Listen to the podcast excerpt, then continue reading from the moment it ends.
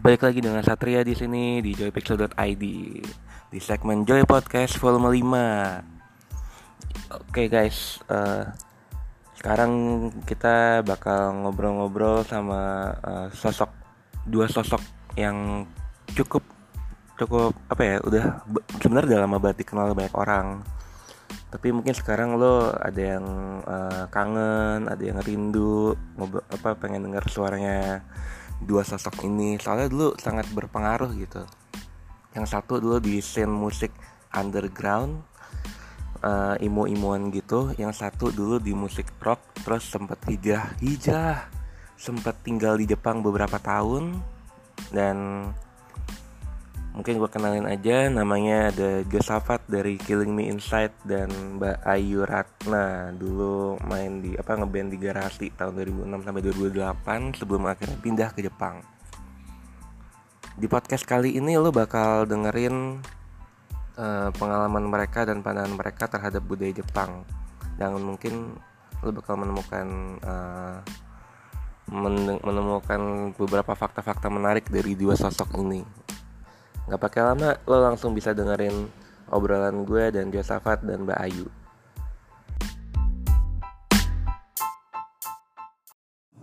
Langsung ngobrol aja sih. Oke. Okay. Nah, Sudah dimulai ya nih. Udah mulai dong. Sip. Uh, buat Mbak Ayu sama Sapat pengen tahu dong kayak apa pengaruh pengaruh budaya Jepang buat lo berdua tuh seberapa besar sih? Soalnya kan kayaknya buat kalau Mbak Ayu udah jelas lah ya dulu di Jepang itu beberapa beberapa tahun. Terus apa dulu? Ya pendengar, pendengar lah penikmat. Terus sama, dan sempat menyukai beberapa musik Jepang juga. Bisa cerita cerita nggak nih bisa banget Mbak dulu kali ya? Aku dulu ya. kalau aku sih memang dari dulu ya dari zaman sekolah juga udah suka banget sama Jepang gara-gara komik dan gara-gara animasinya gitu. Hmm. Tapi sebelum itu belum sampai terus kepengen ke musik sih. Jadi cuman baru uh, animasi dan komiknya. Tapi kok wow soundtrack soundtrack film Jepang atau animasi Jepang itu kok musiknya juga keren keren semuanya gitu. Yang keren apanya? Musik. Yang keren musik lagu-lagunya ya? Ya walaupun tadinya nggak tergiur untuk ke musik Jepang ya zaman dulu gitu. Cuman ngefans banget sama animasi komik gitu-gitunya. Tapi ternyata setelah dengar-dengar kok musiknya juga keren abis gitu. Makanya sejak saat itu juga jadi ngefans juga sama musiknya gitu. Nah, kalau tadi kan bilangnya uh, musik Jepangnya kayak keren abis. Nah yang bikin keren tuh emang apanya unik gitu beda gitu dari yang lain gitu. Kayaknya mereka mencampurkan nada-nada yang tradisional di mix sama modern gitu. Itu tetap ada Jepangnya tuh ada banget gitu. Terus kalau misalnya ngomongin animasi sama uh, komik Jepang atau manga dulu emang bacanya manga apa sih sama nonton anime apa? Dulu sih pas zaman kecil SD itu aku paling suka banget itu ada uh, Sailor Moon. Hmm Sailor Moon, Magic Knight, Raya Art itu terus Doraemon pastilah ya. Ya Doraemon semua orang pasti nah, suka. Ikyusan, aduh banyak banget ya waktu ya. Baik baik baik. Kalau Ikyusan tuh yang botak itu ya bikin iya, botak. Yang truk gitu lah, yang tangannya ke atas gitu megangin botaknya gitu. Lagunya ya gitu deh. Ikyusan gitu ya. Iya itu. Kalau lo Pat gimana Pat? Sudah dari SD kali ya jadi semua film yang gue konsumsi mulai dari Satria Baja Hitam terus film-film kartun tiap minggu minggu pagi. Doraemon udah pasti terus semua sih. Jadi Born to Cook kalau kalian tahu tuh film masak-masak. Oh itu juga. Yang uh, jadi semua isinya mungkin karena dulu Jepang juga sempet ya dibom kali ya terus dengan hancurnya negara tuh mereka butuh butuh banyak uh, inspirasi untuk berjuang gitu. jadi semua isinya pasti tentang perjuangan. tentang perjuangan. Dan dengan dari dini gue udah mengasup itu semua jadi gue merasa melekat banget gitu. Jadi tema perjuangan tidak mudah menyerah terus uh, ya itu semua gitu itu kan melekat banget di semua bahkan dari komik uh, lagu soundtrack lagu soundtracknya kart animasi sampai di lagu-lagu band-band semuanya tentang itu jadi kebanyakan ya kebanyakan kebanyakan tentang itu dan itu udah melekat banget udah melekat dalam diri gua pribadi Tadi kan lu sempat mention kalau eh, apa namanya? Lu suka nonton masak fil- apa? Acara masak-masakan. Nah, sebenarnya. Kok random banget sih? impian cita-cita eh sedap. semangat dan ambisi. Wah. oke deh. Eh, sebenarnya banyak selain itu ya kayak slam dunk basket itu kan subasa shoot. Wah jadi ya bagus banget sih. Eh, ya tadi artinya apa? Walaupun dengan random walaupun dengan itu ada soal masak walaupun mungkin soal catur catur ego itu kan yang sampai filmnya tamat gue nggak ngerti cara main catur egonya men. Tapi bisa terus gue ikuti gitu karena ya spirit perjuangan yang melekat dalam tiap movie yang gue tonton itu luar biasa. Dia dari kecil udah mikirnya berat ya. Soalnya aku tuh dulu kecilnya tuh nanya Sailor Moon, sesuatu yang fantasi gitu ya. Gila cewek bisa berubah jadi cantik, keren gitu, punya kekuatan gitu. Tapi dia udah mikirnya catur. udah mikirin masak. Luar biasa banget. Random Tapi dari dari dari semuanya itu lo favoritnya apa sih? udah uh, aduh bingung juga ya kalau ditanya favoritnya apa yang paling bikin oh maaf nih agak bingung nih ya tapi Death Note itu sih kayaknya yang lumayan Death Note. ya kenapa tuh emang Death Note? ya Dia ngefans sama L tahun. Eh, enggak L-nya malah aku suka sama Kira Oh gitu ya. Ya, tapi itu di situ di situ menggambarkan gitu loh. Jadi kayak eh, di situ menggambarkan orang yang sekejam apa pun itu juga nggak bisa seenaknya ada di dunia ini gitu. Lo akan dikejar oleh orang yang super smart juga di sisi satunya. Jadi sisi hitam putih itu terlihat banget di situ sih. Jadi Emang udah berat dari dulu ya. ya kan berat ya. Gila bahasannya berat banget loh dari dulu tuh. Masa remajanya kayak terlihat eh, terdengar apa terbayangnya berat banget gitu kan. Gila gila. Nah kalau misalnya ngomongin eh, masa-masa dulu di Jepang nih Mbak Ayu, yang paling berkesan tuh dan paling happy tuh pas lagi ngapain dan pas lagi momen apaan aja.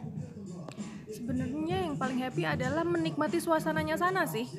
Karena beda banget ya sama Indonesia dan pertama kali juga merasakan tinggal di negara dengan empat musim gitu. Jadi kayak no boring time gitu loh. Maksudnya setiap hari, setiap saat itu bermakna dan ya happy, seneng aja gitu. Gak bosen, kadang-kadang summer, kadang-kadang musim dingin, kadang-kadang ini gitu. Terus udah balik lagi gitu. Iya, tapi yang paling nyebelin adalah kita harus punya baju banyak. Nggak kayak di Indonesia kan, setiap setiap hari kan panas mulu. Paling hujan jadi bajunya pakai itu itu aja nggak apa-apa. Tapi kok di sana beneran kita harus nyiapin untuk musim dingin, nyiapin untuk gitu gitulah. Hmm, Oke, terus kalau misalnya eh, ngelas waktu pertama kali nyampe di Jepang terus akhirnya ngeliat orang-orang banyak kan di Jepang banyak orang-orang cross dresser gitu kan, banyak cosplayer. Nah itu kayak impression pertamanya kayak gimana sih? Ah, soal itu sih aku udah sering banget lihat di animasi-animasi ya. Iya. Gitu, jadi uh, pertama first impression aku waktu ke Jepang tuh justru malah aku beneran nangis di dekat Hachiko itu ya kan ada persimpangan yang banyak banget itu ya Iya. Kro- apa enam enam persimpangan Shibuya itu. Hmm, Shibuya itu itu tuh aku ngelihat mirip banget sama gambaran yang ada di animasi waktu itu apa judulnya aku lupa dan itu kayak aku nangis di situ oh my god aku akhirnya bisa datang ke dunia ini yang selama ini aku impi-impikan mirip banget bentuknya Dari dunia fantasi ya? iya makanya itu ya wah gila itu aku super happy banget sih Oh, gila keren banget. amazing Tapi kalau lu gimana Pak waktu kemarin ke Jepang, ah, sempat ke Jepang? Pertama kalinya itu cerita ya sama. Jadi bercita-cita ya pastilah ya dari kecil dengerin musiknya nontonin filmnya terus dan ada kesempatan waktu itu pergi bareng teman-teman Summer Sonic nonton konser. Jadi kayaknya kalau ke sana berhubung gue yang mudah banget terhibur sih sama makanan ya. Gue terhibur sama jadi gimana caranya menyatukan semua hiburan dalam satu waktu yang cukup sempit ya 10 hari kalau nggak salah ke sana. Ya nonton Summer Sonic. Kebetulan juga ada beberapa musisi Jepang yang gue suka. Ditambah ada ah, Radiohead waktu itu sih. Radiohead ada Foster People juga kayaknya ada juga. Gitu. jadi sekalian dah whole package hiburan.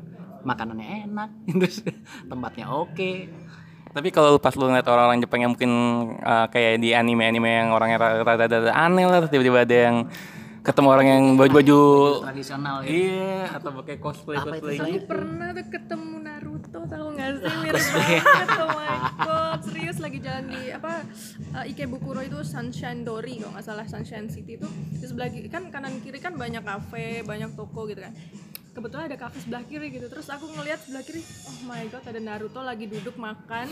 Beneran rambutnya seperti itu belakangnya seperti bajunya mirip banget dan kayak, Naruto oh lagi makan. Naruto lagi Naruto makan, lagi makan di situ. Aduh, mau minta foto tapi gimana gitu ya.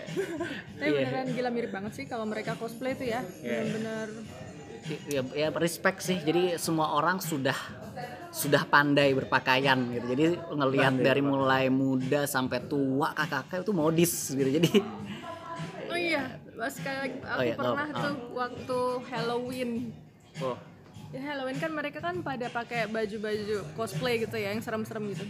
Aku pernah mau masuk ke apartemen aku malam-malam lagi jalan gitu. Sebelum apartemen tuh kan ada persimpangan tuh kan. Iya. terus aku lagi jalan tiba-tiba ada mumi berdarah-darah dari sebelah kanan lari ke arah aku. Wuh, kaget banget.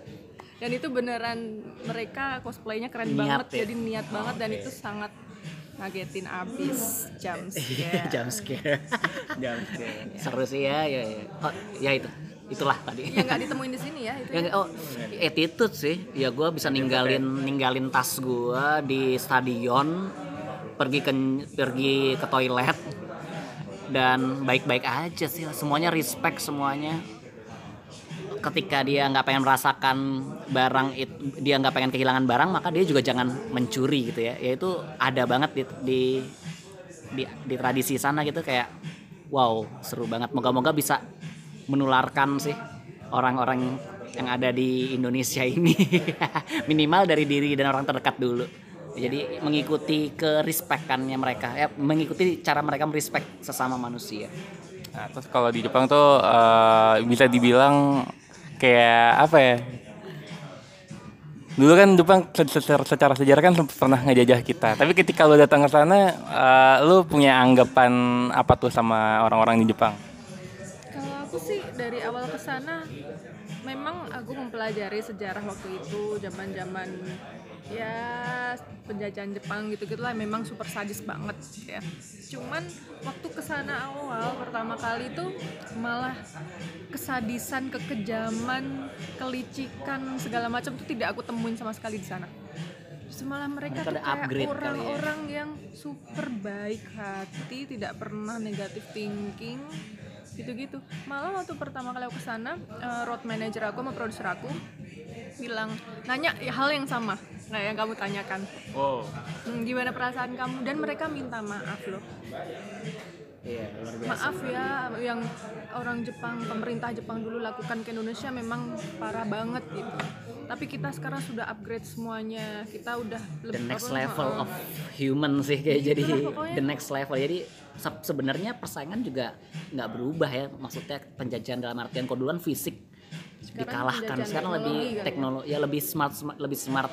Pinter-pinteran. Pinter-pinteran terus ya sama tadi itu. Mereka udah lebih kayak up, mengupgrade diri sih. Moga-moga kita juga jangan jangan sampai ketinggalan. Harus yang baik-baik why not kita ambil kan kita menyerap semua kebaikannya dan kita juga punya karakter ya jadilah diri kita sendiri ya, berbuatlah baik terus lah Yoi.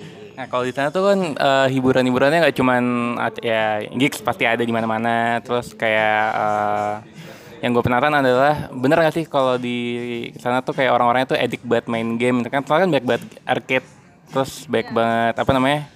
Apa tuh mesin-mesin vending machine gitu-gitu. Dan itu unik banget. pachinko lagi iya gitu ya iya oh paling ramai kalau pachinko mah Hmm. di sana ya. Emang tuh emang beneran beneran banyak yang freak itu di sana. iya sih kayaknya yang aku lihat ya banyak banget selalu ramai deh pokoknya kalau tempat-tempat game-game nggak itu pernah sih Nggak- nggak nggak pernah ya? nggak nggak ke arah situ apalagi pacinko tapi kebanyakan pacinko itu yang datang itu orang-orang yang udah setengah tua gitu sih Hmm. Eh, untuk anak-anak muda sih jarang. Ya ada lah tapi nggak banyak. Terus kalau di apa ya bisa kasih tahu nanti misalnya kalau di sana tuh kalau misalnya kita mau misalnya ya ada anak-anak yang mau mungkin first time ke sana terus eh, kira-kira apa yang harus mereka persiapin? Apakah mereka harus siapin mental atau apa? first time ke sana. First time ke sana tuh aku dulu tuh bener-bener kenekatan sih at least bisa bahasa Inggris lah dikit-dikit banget juga nggak apa-apa gitu. Yang penting bisa tahu bahasa Inggris karena ya walaupun di sana sebenarnya orang-orang nggak semuanya bisa ngomong bahasa Inggris loh gitu. Aku juga nggak tahu sih dulu gimana. Yang pasti baca terus sih jadi sebelum berangkat kalau bisa kalian udah membaca dulu pengennya ke mana ke mana ke mana sampai ditulis aja apa atau di foto gitu kanjinya apa karena di sana jarang ada tulisan. Kalau sekarang aku nggak tahu ya udah udah lama aku nggak ke sana soalnya. Jadi misalnya ada tempat namanya apa misalnya Higashi Nagasaki atau apa gitu tuh bawahnya tuh jarang ada tulisannya. Kanjinya gitu. nah jadi cuman kanji doang. Tapi nggak ada romaji. Heeh, makanya itu aku di sana tuh dulu sampai aku hafalin bentuknya doang loh. Mm-mm. Bentuk gambar ya jadi. Heeh. Jadi aku apa lah gambar ini berarti ini ke sini nih, kalau ini ke sini gitu gitu. ya kalau dari gue sih yang dipersiapkan pertama nabung dulu. Karena mata uang itu benar banget sih. rupiah. Mata uang rupiah di sana seperti cepet banget deh ludes jadi ya pindah pandai-pandai. Dan sarannya ya itu nomor satu. Kedua begitu nyampe kan ya cari apa wifi portable gitu kan. Biar bisa akses. Duh, akses Ya, tapi Google udah Maps bisa atau itu dan loh bawa wifi portable dari sini loh. oh ya bisa juga gitu Bisa ya. juga. Jadi sana langsung usah. itu itu dua hal yang penting banget harus aktifin itu. Terus berikutnya adalah ya udah tahu tujuannya sih rencananya ke sana tuh apa aja gitu dan ini uh, note-nya adalah semua makanan-makanan cepat sajinya yang di Mart ya istilahnya di Mart itu udah oke Enak jadi banget. Hmm. Jadi semuanya udah well dan oh, lebih murah ya daripada yang lain. udah good quality Oh iya jangan sekali-kali naik taksi. Udah itu aja pesan mengerikan harganya emang kenapa dia untuk naik taksi Mahalnya parah banget. dari sih dari apa? Parah Ah, ba- bandara tuh apa sih? Ada Narita dari ada satu lagi apa dari lagi? Narita dari Narita ke Tokyo-nya ke Shibuya-nya. Itu bisa. Itu bisa mungkin sekarang Sejuta 3 kali. juta. Oh tiga wow iya. 3 jutaan. Padahal kalau naik kereta aduh cuman 100 ribu. Ini nomor satu.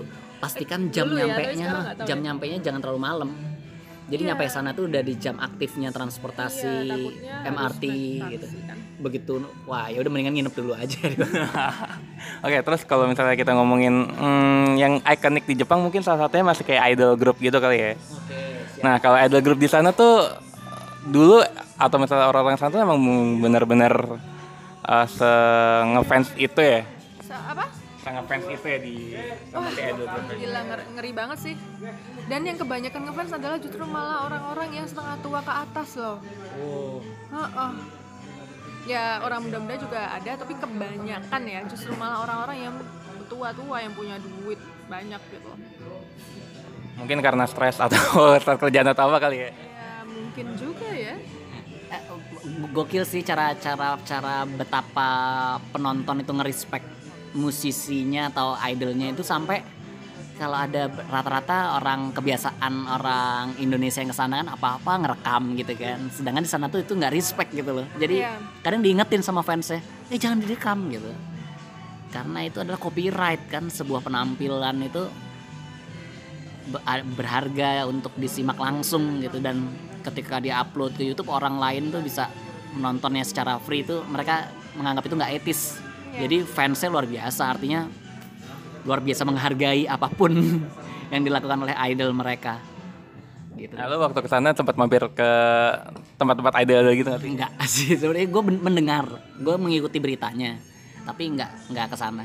Yang sampai sekarang yang gue respect sekali lagi adalah mereka menyadari loh bahwa industri industri di Korea Selatan juga lagi oke. Kayaknya ada EKB yang dikirim ke itu kok dikirim ke Korea juga. Ya, Untuk kayaknya AKB dikirim band. ke mana-mana deh ya satu Iya. dua gitu-gitu tapi kan biasanya kan antar Indonesia misalnya EKB dikirim ke JKT atau ke gitu biasa tuh antar itunya nih kalau ini enggak ini benar-benar di Enggak, Dikit- enggak, enggak ya? Memang di itu ya? memang memang diiniin kayak dikirim dua satu dua satu gitu ke Wow. setiap negara kalau nggak salah jadi luar biasa sih mereka nggak menutup diri artinya kayak mau juga coba ke kolam yang lain kolam yang lain Yoi. kolam lompat ikan ikannya lompat Oke, eh, hmm, terak- ini terakhir nih. Kira-kira lo lo apa yang paling lo harapkan eh, ketika lo bisa kembali lagi ke Jepang? Yang pasti yang pertama kali akan aku lakukan adalah aku kangen banget sama tim manajemen aku yang ada di sana. Oke. Aku super kangen. Terus yang kedua adalah aku pengen ngambil barang-barang aku di sana. Aku tinggalin semuanya Emang belum ada yang dibawa belum ada yang dibawa ke sini? Iya belum. Belum. Ada satu koper gede sama satu koper kecil. Buset. Ya itu pengen aku ambil semuanya. Terus kalau bisa aku pengen manggung berdua sih sama suami di sana. Minta tolong Amin. sama roadman aku yang di sana. Cariin gigs dong gitu pengennya. Ya asal pas kalau udah main sampai sana. ya. sih pasti bisa kan itu kayak gitu. Ya, itu ketemu sama orang-orang yang aku kenal dan aku sayang di sana sih. Siap. Kalau gue sih nomor satu kayaknya kalau kali ini pengen sama keluarga nih. Ke sana ya bareng-bareng. Terus kedua tetap sih menikmati kembali musik-musik sana, makan makanan sana, tempat-tempat oke di sana. Yang terakhir manggung di sana sih sambil lah. Kalau bisa tiba-tiba bisa. Ya tapi kalau bisa itu bisa sih. Bisa sih. Amin. Sebenarnya bisa sih. bisa sebenarnya tapi ya itu dia tinggal nunggu kapan waktunya aja yang tepat kayaknya sih gitu. Oke mantap. Tadi ngobrol-ngobrol bareng sama Josafat gitaris dari Inside dan Mbak Ayu Ratna. Kayak kalau dulu dengerin garasi tau lah ya. Nah. Oke thank you buat uh, teman-teman yang udah dengerin podcast kali ini Joy Podcast namanya entah ini kayak Joy Podcast ke-7 atau ke-6 lupa lupa dinamain toleh oke. Sampai bertemu di Joy Podcast selanjutnya. Thank you.